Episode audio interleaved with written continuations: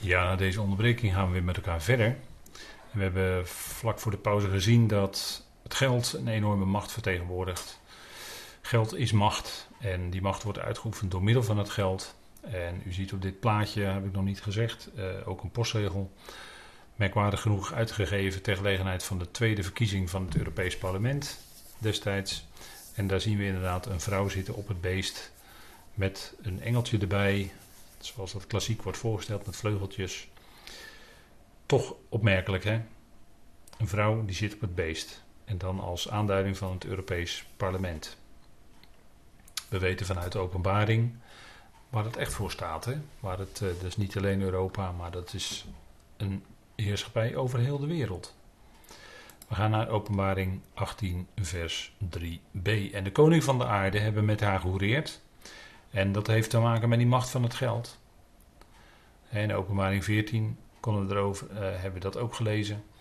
Vers 8. En de kooplieden van de aarde zijn rijk uit de kracht van haar overdaad. Of weelde wordt ook wel genoemd. Hè?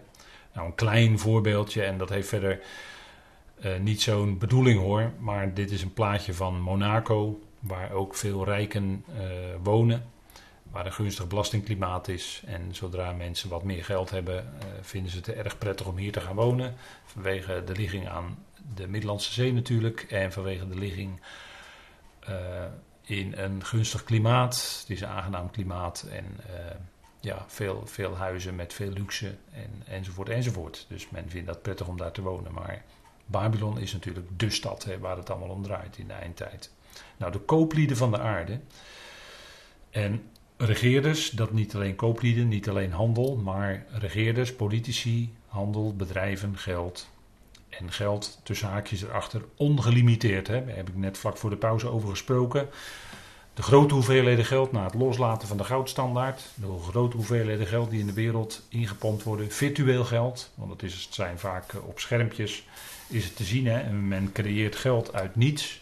Dat hebben we ook op televisie kunnen zien in een uitzending bijvoorbeeld. Ik herinner me dat van uh, Tegenlicht van de VPRO. Waarin men dus uh, schuldpapieren opkocht. En dat deed men via, bij de centrale bank. Dat deed men bij een bank. En de camera's stonden erbij. En uh, het werd geregistreerd. En het werd ook verteld door die medewerker van de bank. Dat op dat moment een bepaalde schuldpapier, obligatie werd opgekocht. En dat gebeurde met een druk op de knop. En daarmee ontstond dus, hè, dat geld was er daarvoor niet, maar door die handeling, die transactie in die computer, ontstond dat, ontstond dat geld en werd dus daarmee uit het niets, hè, uit nul, uit niets, en werd daarmee dat schuldpapier opgekocht. Nou, zo gaat dat. Hè. En zo zijn de grote opkoopprogramma's. Dat noemt men in het Engels quantitative easing. Hè. Dat betekent dat men dan schuldpapieren opkoopt en daardoor uh, schulden van de overheid voor zijn rekening neemt. En daardoor komt de overheid ook weer verder in het krijt te staan bij de banken. Nou, even heel simpel verteld, hè. Maar zo werkt het in deze wereld. Geld wordt uit niets gecreëerd. En dat is ook zo met als u een uh, hypotheek afsluit bij de bank. De bank heeft daarvoor dat geld niet. Maar u komt daar, u zet uw handtekening en de bank creëert dat geld uit niets. En verstrekt dat aan u als hypotheek om een huis te kunnen kopen. En vanaf dat moment de bank had daarvoor dat geld niet, hè? maar dat geld wordt dan gecreëerd. Dan heeft u die som gelds, dat noemt men een hypotheek, en daarmee kunt u dan een huis kopen. En dat huis is dan het onderpand voor dat bedrag. En dan gaat u dat in de loop van de tijd, moet u dat dan tegenwoordig weer verplicht aflossen en rente bij betalen. En zo worden de banken schat hemeltje rijk natuurlijk. Hè? En u staat dan de hele tijd in de schuld bij de bank. En zo staan heel veel mensen in het krijt bij de banken. Dus uh, als dat. En dat is allemaal met fiat geld. Hè? Dus gefiateerd geld. Dus geld omdat wij ons vertrouwen daar nog steeds in uitspreken. Maar valt dat vertrouwen weg, dan is die waarde van het geld dus eigenlijk ook weg. En heb je helemaal niets. Dan is het gewoon weg. Niets meer. Dan is het uh, gierende, dat noemen we dan gierende inflatie, zoals we dat gekend hebben in het verleden. En dan, uh, is één, uh, dan komen er uh, papiertjes op de markt waar 10.000 op staat. En dan kun je dan één eitje mee kopen. Hè, bijvoorbeeld met 10.000 euro één ei kopen in de supermarkt. Dat soort dingen, hè, om even voor te stellen wat gier en inflatie dan uiteindelijk kan doen. Maar goed, dat, het is tot nu toe allemaal nog gaat het allemaal nog zoals het gaat. Geld, daar draait het om. Het draait om de handel, want daar wordt aan verdiend. Als uh, vanuit ons land bijvoorbeeld uh, de, de, onze koning en koningin een staatsbezoek brengen, ik noem maar wat, aan China, dan is dat een staatsbezoek, ja leuk, maar het gaat uiteindelijk om de handel. Want in het kielzog van Willem en Maxima komt dan een hele handelsdelegatie met allemaal mensen uit het bedrijfsleven en worden er allerlei contracten afgesloten. Daar gaat het eigenlijk om. Het gaat niet om dat we zo leuk gezellig met elkaar staatsbezoeken afleggen. Nee, het gaat om de handel. Het gaat dus uiteindelijk om het geld. Daarvoor komt men dat. Hè? Nederland is tenslotte toch het land van de praters, hè, de dominees zeg maar dan, tegenwoordig de praters, hè, tegenwoordig heb je hele andere dominees, maar goed, de praters en het geld. De koopman en de dominee, of de dominee en de koopman. Want uh, als wij uh, ver weg gingen over zee, dan uh, gingen wij bijvoorbeeld naar Indië. Hè, en ehm, dan kwamen we daar misschien uit het, misschien hoor, uit het naam van het christendom. Maar die specerijen, daar, natuurlijk, eh, daar zijn we natuurlijk schatrijk mee geworden. En um, zo zijn er nog wel meer dingen te noemen natuurlijk. Hè? Maar dat verleden, de, hoe, het werkelijke verleden van, van bijvoorbeeld uh, ons landje als Nederland eruit ziet. Ik heb ontdekt in de loop van de jaren dat het verleden wat mij eh, werd, werd voorgeschoteld, dat het in werkelijkheid er heel anders uitziet dan, dan het mij werd voorgeschoteld. Dat is mijn persoonlijke ervaring. Zo heb ik in de loop van de tijd, door te lezen, door dingen te horen, heb ik dat ervaren. Dat het het plaatje wat, ik, wat vroeger mij werd opgedrongen over Nederland en eh, hoe geweldig Nederland er wel niet was, dat is enorm, enorm bijgesteld. En niet ten goede, niet ten positieve moet ik zeggen. Helaas, maar dat, zo is het nou eenmaal. wat, uh, ik zal een, een, schrijnend voorbeeld noemen. Hoe uh, Joodse mensen in de tijd van de Tweede Wereldoorlog, tijdens de bezetting door Duitsland, door Nederland zijn, Joodse mensen door Nederland zijn behandeld. Dat is schandalig. Dat is meer dan schandalig. En hoe de Joodse mensen hier behandeld zijn toen ze terugkwamen na de Tweede Wereldoorlog, degene die de vernietigingskampen overleefd hadden, dat is meer dan schandalig. Dat is onthutsend hoe Nederland zich toen heeft gedragen ten opzichte van de Joodse mensen. En ik kan nog wel een groep noemen. Hoe Nederland zich heeft gedragen tegenover Indische mensen die hier kwamen. Dat is meer dan schandalig. Onthutsend. Dat is Nederland. En dat is niks te veel gezegd. En als u het wil nazoeken, zoekt u het maar na. Er zijn tegenwoordig bronnen genoeg waarin dat vermeld wordt. dat, is, dat is een reden om, om, je, eh, om je ja, enigszins toch wel een beetje verontwaardigd over, over te maken, druk over te maken. dat, dat, is, dat, is ook, dat is dus Nederland. De onverschilligheid, de kilte en het in beslag nemen van goederen van anderen en het niet willen teruggeven. Dat soort dingen allemaal dat, is, dat zijn Nederlanders. En natuurlijk zijn er Nederlanders geweest in het verzet. En natuurlijk zijn er genoeg Nederlanders geweest die Joodse mensen wel geholpen hebben. En die ze wel hebben laten onderduiken. En die ze niet aangaven voor 7 gulden 50 per Jood in de Tweede Wereldoorlog. Natuurlijk, er zijn genoeg mensen die dat gedaan hebben. Dat zijn, dat zijn Nederlanders die zich op een correcte, juiste manier hebben gedragen tegenover hun medemens. Dat was naaste liefde, ja.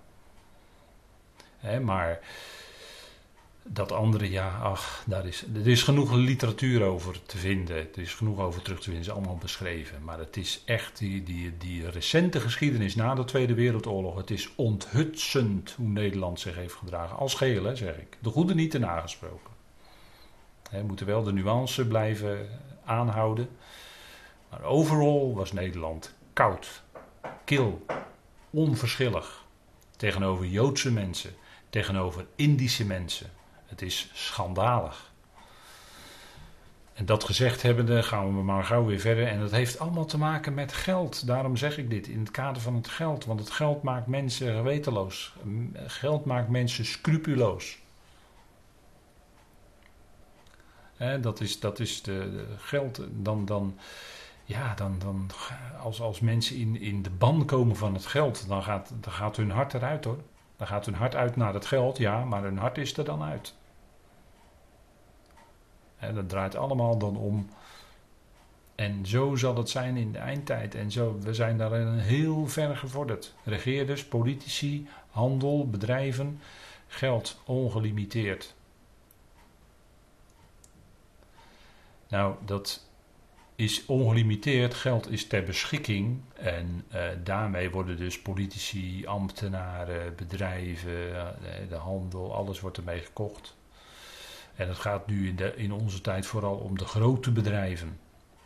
Kleine bedrijven worden weggedrukt. De boeren en de vissers kunnen erover meepraten. De middenstand kan erover meepraten. Vandaag de dag kan de middenstand erover meepraten. Dat wordt weggedrukt. En eh, dat is wat aan de hand is. En dat is ten voordele van de enorme grote bedrijven. En dat, uh, nou, dat, dat, is, dat gebeurt allemaal. We hebben het over hier over handel, over bedrijven. De kooplieden van de aarde, daar hebben we het nu over. Wat een enorme corruptie teweeg brengt, wereldwijd. En dat is aan de hand vandaag de dag. Corruptie overal. En men is rijk geworden, want daar gaat het om uit de kracht van haar overdaad. En de bron daarvan, het centrum daarvan is in de eindtijd Babylon. En zo zal het zijn, hè? de koningen van de aarde hebben met haar, hoe ze zijn gekocht. Dat is aantoonbaar, dat is dus gedocumenteerd dat het zo gegaan is. Met het geld, ze zijn omgekocht.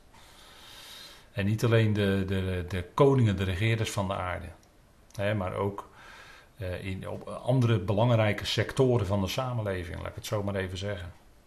Het is allemaal om, omgekocht. Dat is wat aan de hand is. En daar, daar gaat God een einde aan maken. Daar hebben we het over. Hè. Babylon gaat vallen hoor. Babylon gaat vallen. God gaat daar een einde aan maken. En daarom klinkt de stem tot de Joodse mensen die wel uh, willen luisteren naar Tenach, die wel willen luisteren naar Yahweh, klinkt de roep en die uh, wellicht ook zelfs Jezus als hun Messias hebben uh, aangenomen, maar toch op dat moment nog in Babylon zijn, klinkt de roep: kom uit. Kom uit. En ik hoorde een andere stem uit de hemel zeggen, openbaring 18 vers 4a. Komt uit haar mijn volk. Kom uit. Te horen, en dat is te horen in de profeten. we, we, we, zien dat diezelfde klanken, we hebben het met elkaar allemaal opgezocht. In, in, in Jeremia hebben we die teksten gezien waarin gezegd wordt, kom uit Babylon. En ik heb dat toen ook verschillende keren overdrachtelijk toegepast op religie. Want Babylon heeft, heeft alles te maken met religie. En daar waar mensen in een religieus systeem vastzitten, klinkt dan ook de roep, en dat is dan ons, in onze tijd als voorbeeld klinkt dat dan. Kom uit. Blijf niet hangen in de religie. Maar ik zou u ook kunnen verwijzen naar de brieven van Paulus, waarin in Colossense 2 heel duidelijk gesproken wordt door Paulus over filosofie en religie. Dat is het niet. Nee hoor, het gaat om Christus. En dat zijn de gevaren voor geloven. Ook echte gelovigen in Christus. Gevaren blijven altijd filosofie, denken van mensen. Eigen invullen, vanuit eigen denken. Maar dat kun je niet doen met de schrift. En een ander gevaar blijft religie. Het willen doen in plaats van geloof. In plaats van vanuit geloof te leven en te doen. Nee, het willen doen omdat de regel het nou eenmaal zegt, omdat de wet het zegt. Nee, het gaat om Christus. We zijn in Christus. En dat is een kwestie van geloof. Dat heeft geen verdiensten. Dat is genade, dat is het principe van de genade. Zegt Paulus in Romeinen 4, vers 16. die, die principes, dat is belangrijk, daar gaat het om. En het punt is, er wordt geroepen tot de, de mensen van zijn volk in, in, in die eindtijd, ja, als ze nog in Babel zijn, letterlijk, als ze nog letterlijk in die stad zijn, kom uit. Kom uit. En dat is altijd als, als mensen vastzitten in religieuze systemen vandaag aan de dag, dan eh, roepen we ook heel hard met deze stem: Kom uit. Kom uit dat religieuze systeem. Kom in de rust. Kom in de genade. Hè. Laaf je aan die woorden van genade die klinken bij de apostel Paulus. Dat is het ideale onderricht voor vandaag. Genade, geloof. Daar gaat het om. Het gaat om zijn werk met een hoofdletter, niet ons werk. Nou, zo, zo. als Paulus over die dingen spreekt, gelaten brief, Colossense, dan is die heel ernstig en heel dringend aan in toon. En, en daarom dringen we ook aan om niet te blijven hangen in filosofie en religie, maar uit te komen en je te verheugen in die Heer die genadig is, die liefdevol is, die, die, eh, die, uh, waarvan je het kan verwachten. En hij doet het ook en hij geeft het ook. En je hoeft niet van jezelf nog iets meer te verwachten. Nee, niets, niets. O zondaar, nee, niets. O gelovige, nee. Zou ik dan willen aanvullen in dat lied. Niets te doen, o gelovige, nee. Het is alles volbracht. En het is alles in genade. En wat je kan doen, dat is genade. Dat is helemaal geen verdienste. Niets te doen, o gelovige, nee. Eigenlijk een, wel een mooie aanvulling, denk ik, misschien in dat lied. Ja, als, je dat zo, als je dat zo al sprekend te binnen schiet. Nou, uitkomen, dat moest Lot ook uit Sodom. Hè? En Sodom is natuurlijk Sodom en Gomorra. Dat is een uh, Genesis, hè? Genesis boek van alle beginnen. Daar is ook het beginsel van Babel, Nimrod. Die zelf een geweldig jager was. En waar joeg Nimrod na? Hij joeg, hè, wat joeg hij na? Hij joeg naar macht. Dat is Nimrod. En dat is nog niet veranderd door de mens. Mens jaagt altijd naar macht.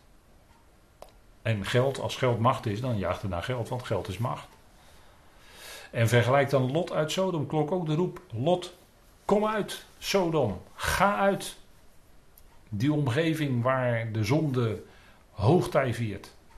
Waarin dat alles wat van God afwijkt hoogtij viert. En het regende vuur en zwavel s'nachts. God keerde de steden om, vuur en zwavel. En de rest ervan zijn nog tastbaar aanwezig als je daar komt. Lot moest uitgaan uit Sodom. Boodschappers kwamen naar hem toe. En die spoorden hem aan om uit te gaan uit de stad, zijn familie mee te nemen. En zijn vrouw keek nog achterom en werd tot een monument van zout. En daar is ook veel zout, de Zoutzee. Hè? Veel mineralen, veel zout, maar er groeit niks. Genesis 19, hè? begin het modelgericht in de schrift. En naderhand lees je, als je die versen na vers 23 leest, dan lees je dat Abraham van een afstand keek naar die rook die opsteeg. En die zag het resultaat van het gericht. En zo zal men ook van ver af zien, in openbaring 18, de rook die opstijgt van de verwoesting van Babel. Dat is in feite hetzelfde plaatje. God volbrengt dat gericht. En het gebeurde in Sodom ook in één dag. En het gebeurt bij Babel ook in één dag. En men zal van verre toezien. En het zien gebeuren. In één keer is dat plaats van wereldheerschappij wordt vernietigd. En vandaar dat hier de roep klinkt: Kom uit, kom uit haar, mijn volk. Net zoals Lot uit Sodom. En Sodom wordt naderhand nog vele malen genoemd in de schrift. Iemand uh, zei uh, misschien wel twintig keer. Hoewel het al lang niet meer bestond. Maar er ging een enorme herinnering vanuit van dat gericht. Als een gericht wat God. Eh, Jezaja 1 schiet me zo te binnen. Eh, maar ook uh, noemt. Ehm, noemt de Heer Jezus dat als hij het heeft over Gorazin en Bethsaida en Capharnaum. Hè, dan zegt hij, het zal voor jullie, steden, die steden van Sodom en Gomorra, zal het in de dag van het gericht dragelijker zijn dan voor, het zal voor Sodom en Gomorra dragelijker zijn dan voor Gorazin, Bethsaida en Capharnaum in de dag van het gericht. Dat is een heel ernstig woord. Maar de Heer refereert daarin ook weer aan Sodom, Sodom en Gomorra. Hè. En uh, we kennen dat voorheen wel in een term die eigenlijk uh, men niet meer gebruikt, of misschien mag die niet eens meer gebruikt worden. Hè, die verbonden is met het woord Sodom. Dat is een woord dat is daarvan afgeleid. Maar dat, dat vond daar plaats. Maar dat was, een, dat was een uitvloeisel van het loslaten van God als schepper. En als je God loslaat als schepper, dan laat je ook alle verschillen los. Hè. Dan, dan mogen er ook geen verschillen meer zijn tegenwoordig. Hè. Dan is er verplichte diversiteit, zoals men dat dan noemt. Hè. Eh, let op dat woord diversiteit. Eh, in 1988 dook voor het eerst de term op biodiversiteit in Nederland. En, en eh, nu is er ook diversiteit op alle gebieden, maar het moet, iedereen moet gelijk zijn. En alle onderscheid moet, moet weggehaald worden. Hè? En, en als God als schepper uh, verdwijnt, uh, hè, als men God niet wil, langer wil erkennen, en de atheïsten krijgen de overhand, hè, dan ja, ach ja, ik denk wel eens binnen de atheïstische wereld heb je ook van die dominees, hè, die zijn dan van af, af en toe ook op tv te zien. Dan denk ik, ach, dat is weer dominee die en die die allemaal grapjes staat te maken. ook op zondag. maar dat is dan binnen de atheïstische kerk, om het zo maar te zeggen. Maar kijk, eh, alles moet dan gelijk zijn. Alles gelijk. want als je God loslaat, als je God wil, wil, wil, uh, wil afschaffen, om het zo maar te zeggen. Ja, het kan bijna niet over mijn lippen verkrijgen, maar als je sinds de verlichting wil men, eh, wil men God graag weg en wat krijg je dan? Dan krijg je dat alle verschil die God heeft aangebracht, bijvoorbeeld man en vrouw, dat valt weg. Alle verschil tussen man en vrouw valt weg. Dat onderscheid. En, en dat wat God heeft ingesteld vanaf de schepping. En, en dus schaft men dan, dat, dat kan niet anders, dat kan niet anders. Dan schaf je op de duur ook het huwelijk af. En dat is ook gebeurd. Juridisch gezien in Nederland is bestaat het huwelijk niet. Wat, wat bijbels gezien een huwelijk is, om het zo maar te zeggen. Want men heeft alles gelijk geschakeld. Alles, alles is dan een huwelijk geworden. Maar dat is dan alleen maar uh, juridisch, vanuit het burgerlijk wetboek wordt het dan zo bekeken. Of vanuit de rechtsregels die opgesteld zijn. Het zijn allemaal pogingen, pogingen, omdat wat God heeft ingesteld vanaf het begin. Man en vrouw met elkaar in een huwelijk. Ja, dat wil men afschaffen. Dat heeft men afgeschaft. En, daarom, eh, en dat moet dan allemaal. Hè. Want daarna, eerst, eerst is er zogenaamde, eh, ja, zogenaamde tolerantie. Maar als, als men dat allemaal heeft doorgedrukt, dan, kom, dan wordt de tolerantie wordt intolerant. En dan mogen de andere gezonde geluiden vanuit de schrift niet meer gehoord worden. In het publieke domein, om het zo maar te zeggen. Dat, is, dat gebeurt allemaal natuurlijk. Hè. Dan zien we dus hoe uh, ja, in, in dat vacuüm, hoe dat opgevuld wordt door tegengoddelijke krachten en machten en, en woorden en, en, en, en zaken. En dat, is, en dat is natuurlijk al heel ver gevorderd in onze tijd. En ook daaraan kun je zien hè, dat die gezonde principes uit Gods woord worden losgelaten. En dat alles maar mogelijk moet zijn, dat alles maar met elkaar moet kunnen, kunnen huwen en, en maakt allemaal niet meer uit. Daarna zie je gewoon dat, dat men de principes van Gods woord heeft losgelaten en en eh, dat mag toch ook dan in het kader van dit gedeelte ook wel eens gezegd worden. de roep bij Lot was: ga uit van Sodom. En elke keer als men God loslaat, dan ontstaat er weer een Sodom en Gomorra-achtige situatie. En dan komt het gericht. Dan komt de verwoesting. En zo ging het Romeinse Rijk bijvoorbeeld ook ten onder. Rome ging daar dan ook ten onder uiteindelijk. Aan die, eh, daaraan. En, en in onze, in onze wereldwijde samenleving worden steeds verder doorgevoerd. En dat is een teken dat de ondergang gaat komen hoor. En dan kunnen we ook nog zeggen, ja, God zij dank, gaat God daar ook een einde aan maken. Want dan wordt het ook hoog tijd. als de menselijke hoogmoed zo hoog is geculmineerd, dan wordt het tijd dat God daar ook een einde aan, aan gaat maken. En dat, dat gaat hij ook doen. Dat gaat hij ook doen. En daar spreekt de openbaring over. En misschien is het daarom wel uh, ja, misschien is het daarom wel ook heel goed dat we met het Bijbelboek Openbaring ook bezig zijn. Ondanks dat het niet rechtstreeks voor onze tijd bedoeld is, ondanks dat het niet rechtstreeks voor de gemeente bedoeld is, dat het allemaal de toekomst is, dat met Israël en de volkeren te maken heeft, ja, oké. Maar we lezen daarin toch dat de Heer Jezus Christus onthuld wordt. En dan komt het heil, dan komt de redding en dan komt, wordt er ook weer recht gedaan. Dan zal hij ook het recht voortbrengen. En dan zal hij ook de werkelijke liefde weer naar voren brengen. Dan zal er ook werkelijke zegen weer uitgaan. Dan zullen de volkeren echt weer tot rust kunnen komen. Maar nu worden ze opgejaagd en dat gaat steeds maar door, gaat steeds maar door. Totdat. Kom uit haar, mijn volk. Opdat jullie niet tezamen deelnemen aan haar zonden. En opdat jullie niet uit haar slagen ontvangen. Haar zonden. Nou, eigenlijk al genoemd. Hè? In, in, vanaf de eerste minuut zijn we daar eigenlijk al mee bezig geweest deze keer.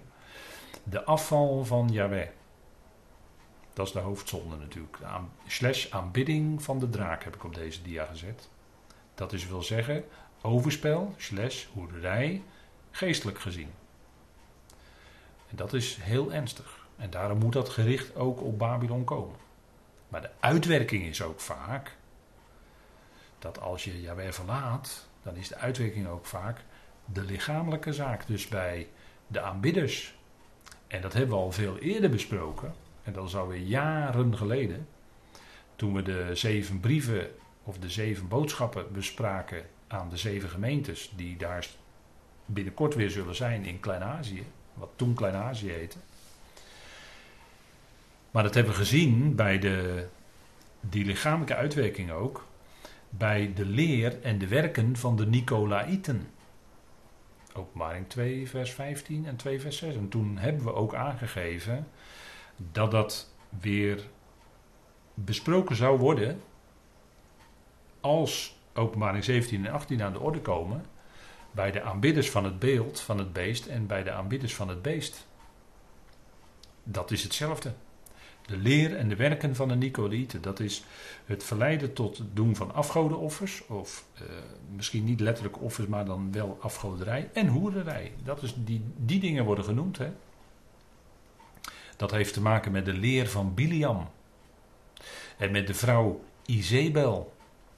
En misschien kunnen we die teksten toch even met elkaar opslaan om even uw herinnering weer op te frissen. Misschien is dat voor u ook alweer helemaal weggezakt, omdat we dat jaren geleden hebben besproken.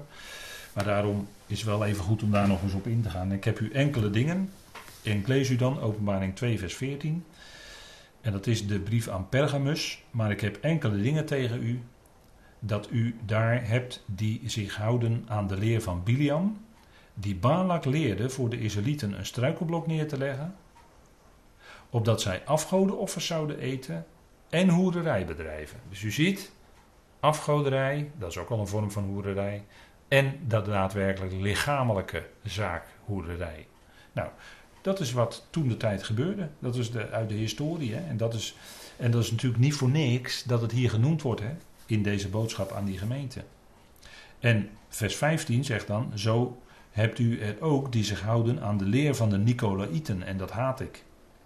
En er werden in 2 vers 6 bij Efeze werd er genoemd, maar dit hebben jullie, dat jullie de werken van de Nicolaïten haten, die ook ik haat. En dat heeft te maken met wat we net lazen. In één adem worden genoemd de leer van Bidiam, Balak en de leer van de Nicolaïten. Dat komt in feite op hetzelfde neer. En de leer van Bidiam en de vrouw Izebel, openbaring 2 vers 20, de vrouw Izebel, er wordt tegen Thyatira gezegd, maar ik heb enkele dingen tegen jullie, dat jullie de vrouw Izebel, die van zichzelf zegt dat zij een profetes is, ongemoeid haar gang laat gaan, om te onderwijzen en mijn dienstknechten te misleiden, zodat zij hoererij bedrijven en afgodenoffers eten. Kijk, dit wordt tegen de joods-christelijke gemeentes gezegd in de nabije toekomst. dit is geen overzicht van uh, dit, deze, deze zeven brieven is, is zeker niet primair een overzicht van de, van de kerkgeschiedenis van de afgelopen 2000 jaar. Nee, nee, nee, nee. Dit, zei, dit wordt allemaal gezegd tegen zeven Joodse christengemeentes die er in de nabije toekomst, na de opname van de gemeente, er weer zullen zijn. Waar nou in op die plaatsen, Thyatira, Pergamus, Smyrna, die zullen daar dan weer zijn. Joodse christengemeentes. En, en die dingen zullen dan daar spelen. En dat is dan de ernstige boodschap die in openbaring klinkt. En dat zal dan daar weer kennelijk volop aan de hand zijn. Afgoderij en hoederijbedrijven. En denk erom, denk erom dat het natuurlijk in onze dagen al volop speelt. Deze dingen. En, en uh, we hoeven alleen maar te kijken wat, uh, hè, wat, wat uh, sinds, uh, ja, sinds tientallen jaren de komst van de televisie en de komst van internet. En we hoeven alleen maar te kijken wat daar allemaal op getoond wordt in films en in series. Nou, dat, is, dat zijn allemaal natuurlijk de, uh, ja, nou ja, afgoderij, afgodenoffers, uh, hoerderij, overspel. al die dingen die, ja, alles wat God verboden heeft, zeg maar. Hè, dat is wat we dan sprekenderwijs kort samen. Maar al die zaken, dat wordt breed uit, uitgetoond. Hè, en, en, en, en dat wordt dan vaak in, uh, als heel normaal wordt dat getoond, hè? alsof dat dan normaal is. Hè? Terwijl alle enorme schadelijke gevolgen in het echte leven, in het echte dagelijkse leven, ja, daar wordt maar uh, weinig over gesproken. Er is wel langzaam maar zeker een kentering gekomen, maar dat wordt allemaal dan uh, in, die, in die beelden allemaal gebagatelliseerd. Terwijl de gevolgen heel ernstig zijn, heel schadelijk bij heel veel mensen. Heel veel leed en verdriet. En noem alles maar op. Vreselijk hoor. Haar zonden, uitwerking, hè, dat is uh, opdat jullie niet. Hè, uh, en uh, tegen Gods volk klinkt dan in die tijd. Ga weg uit Babel, opdat jullie niet tezamen deelnemen aan haar zonden. Want dat zal daar in Babylon ook letterlijk volop aan de hand zijn, natuurlijk. Volop. Opdat jullie niet uit haar slagen ontvangen. Hè. Want haar zonden reiken tot de hemel. En God heeft zich haar onrechten herinnerd. En dat is ook wat in bijvoorbeeld Genesis 18, vers 20 gezegd wordt. En dan gaat het over Sodom en Gomorra. Wordt het ook gezegd dat haar zonden tot aan de hemel reiken. Hè? Uh, Genesis 18. Eh, Genesis 18. Laten we het heel even met elkaar lezen. Genesis 18, vers 20. En verder zei de Heer: De roep van Sodom en Gomorra is zo groot en een zonde heel zwaar. Ik zal nu afdalen en zien of zij alles gedaan hebben zoals de roep luidt die over haar tot mij gekomen is. Zo niet, ik zal het weten. En dat is. De Heer daalde af in feite om te zien of het echt zo erg was. Bij wijze van spreken, hij natuurlijk wel. Maar dat het kennelijk, die roep was zo groot geworden dat het tot in de hemel opgeklommen was. Dat, dat God het gehoord had, dat Jaweh het gehoord had. En daarom, dat er, daarom die boodschappers gingen kijken. En toen ging Abraham in gebed enzovoort. Ik ken die geschiedenis. Maar we lezen dat ook bijvoorbeeld in Jeremia 51. Jeremia 51.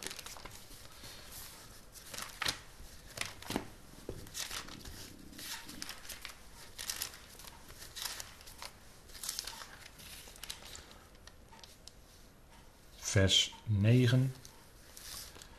Wij hebben getracht Babel te genezen, maar het is niet te genezen. Verlaat het. En laten wij gaan, ieder naar zijn land. Want het oordeel erover reikt tot aan de hemelen. En het is verheven tot aan de wolken. Ziet u Dat hier in deze bewoordingen van openbaring 18 vers 15 ziet u dat de profeten hierin doorklinken. Dat ook iets van Genesis met Sodom en Gomorra, maar ook uit Jeremia. En dat is bijna letterlijk overgenomen hier in, in openbaring. Dus dan zien we weer zo'n uitloper van profetie. En het geweldige is dat uh, God herinnert en gedenkt. Hè. Uh, God herinnert zich zijn verbond, dat is geweldig.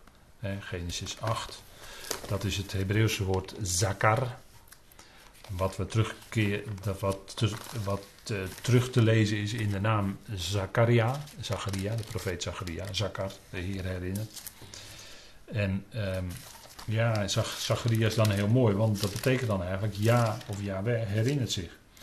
En dan is daar die grote vloed. En dat was ook iets wat moest komen, die grote watervloed over de mensheid. Dat in één klap die hele mensheid werd weggevaagd, behalve acht, hè, Noach en zijn gezin. En dan staat er, en God dacht aan Noach en aan al de dieren en al het vee dat bij hem was in de ark. En God liet de wind over de aarde gaan, zodat, zodat de aarde zodat het water bedaarde. toen was alles overstroomd door water. Alle mensen waren omgekomen door het water. Er was een groot watergericht. Terwijl tussen Genesis 1 vers 1 en 1 vers 2 een nog veel groter watergericht, een nog veel groter cataclysme had plaatsgevonden.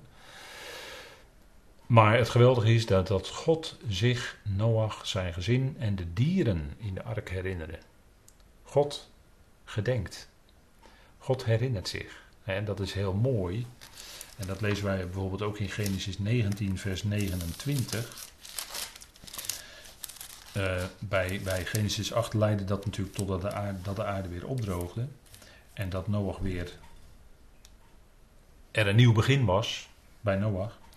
En Genesis 19, vers 29. En het gebeurde toen God de steden van deze vlakte te gronden richtte. Dat is Sodom en Gomorra, Adama en Zeboim dat God aan Abraham dacht en daarom leidde hij Lot uit het midden van de verwoesting toen hij de steden waarin Lot gewoond had ondersteboven keerde.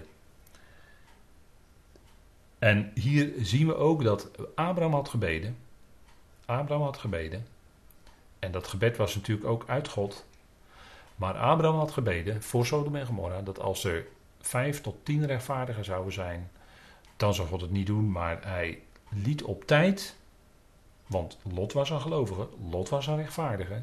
En liet op tijd Lot met zijn gezin daaruit gaan en verwoestte Sodom en Gomorra. Maar hij dacht aan het gebed van Abraham. God herinnert zich. Ziet u hoe mooi dat is? God herinnert, herinnerde zich dat gebed dat Abraham dat gebeden had. En hij bewaarde Lot. Nou, Genesis 30 vers 22. Hè? Daar staat over Rachel. Die was onvruchtbaar, maar God dacht ook aan Rachel. En God verhoorde haar. Kijk, Rachel die had gebeden. Zij was onvruchtbaar. Maar God herinnerde zich, God dacht aan haar, Zakar, en hij opende haar baarmoeder en zij werd zwanger en baarde een zoon. En toen zei ze, God heeft mijn schande weggenomen, want het was voor de vrouwen een schande als ze onvruchtbaar waren, terwijl ze er niks aan konden doen. Maar God nam die schande weg. En God gaf nageslacht. God geeft kinderen. En God opende hier in deze situatie de baarmoeder en ze werd zwanger, ze baarde een zoon. En ze gaf hem de naam Jozef. En Jozef, dat is heel mooi, hè? die naam, dat weet u, dat betekent toevoeger. En Jozef voegde brood toe aan zijn broeders. Zijn broeders die hem in de kuil gegooid hadden. En vervolgens brood zaten te eten met elkaar. Terwijl Jozef in de kuil zat. En ze hem op dat moment geen brood gaven. En later, toen die broers in Egypte kwamen, toen gaf Jozef hem wel brood. Hij at met zijn broers. Dat is natuurlijk heel bijzonder, hè? En ze gaf het de naam Jozef en zei: Mogen de Heer mij nog een zoon toevoegen? Dat woord toevoegen, vandaar Jozef, hè, toevoegen. Dat, dat is natuurlijk eh, een duidelijk woordverband in het Hebreeuws. Mogen Jawel, en dat gebeurde ook later bij Benjamin, zoon van mijn smart. Werd zoon van mijn laatste dagen, wordt ook wel genoemd. Benjamin. En zo had zij de zonen Jozef en Benjamin. Nou, met een hele bijzondere lijn die daar dan weer uit voortkwam.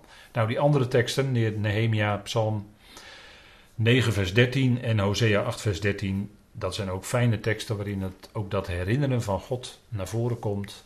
En dan moet u dan nog maar eens zelf uh, verder nalezen. Hè. Maar omwille van de tijd gaan we nu, uh, ja, we kunnen nog verder gaan, maar ik denk dat het eh, voor deze keer voldoende is. Dan gaan we de volgende keer verder met Openbaring 18, vers 6 en volgende. En ook daarin gaat het dan verder over het gericht over Babel.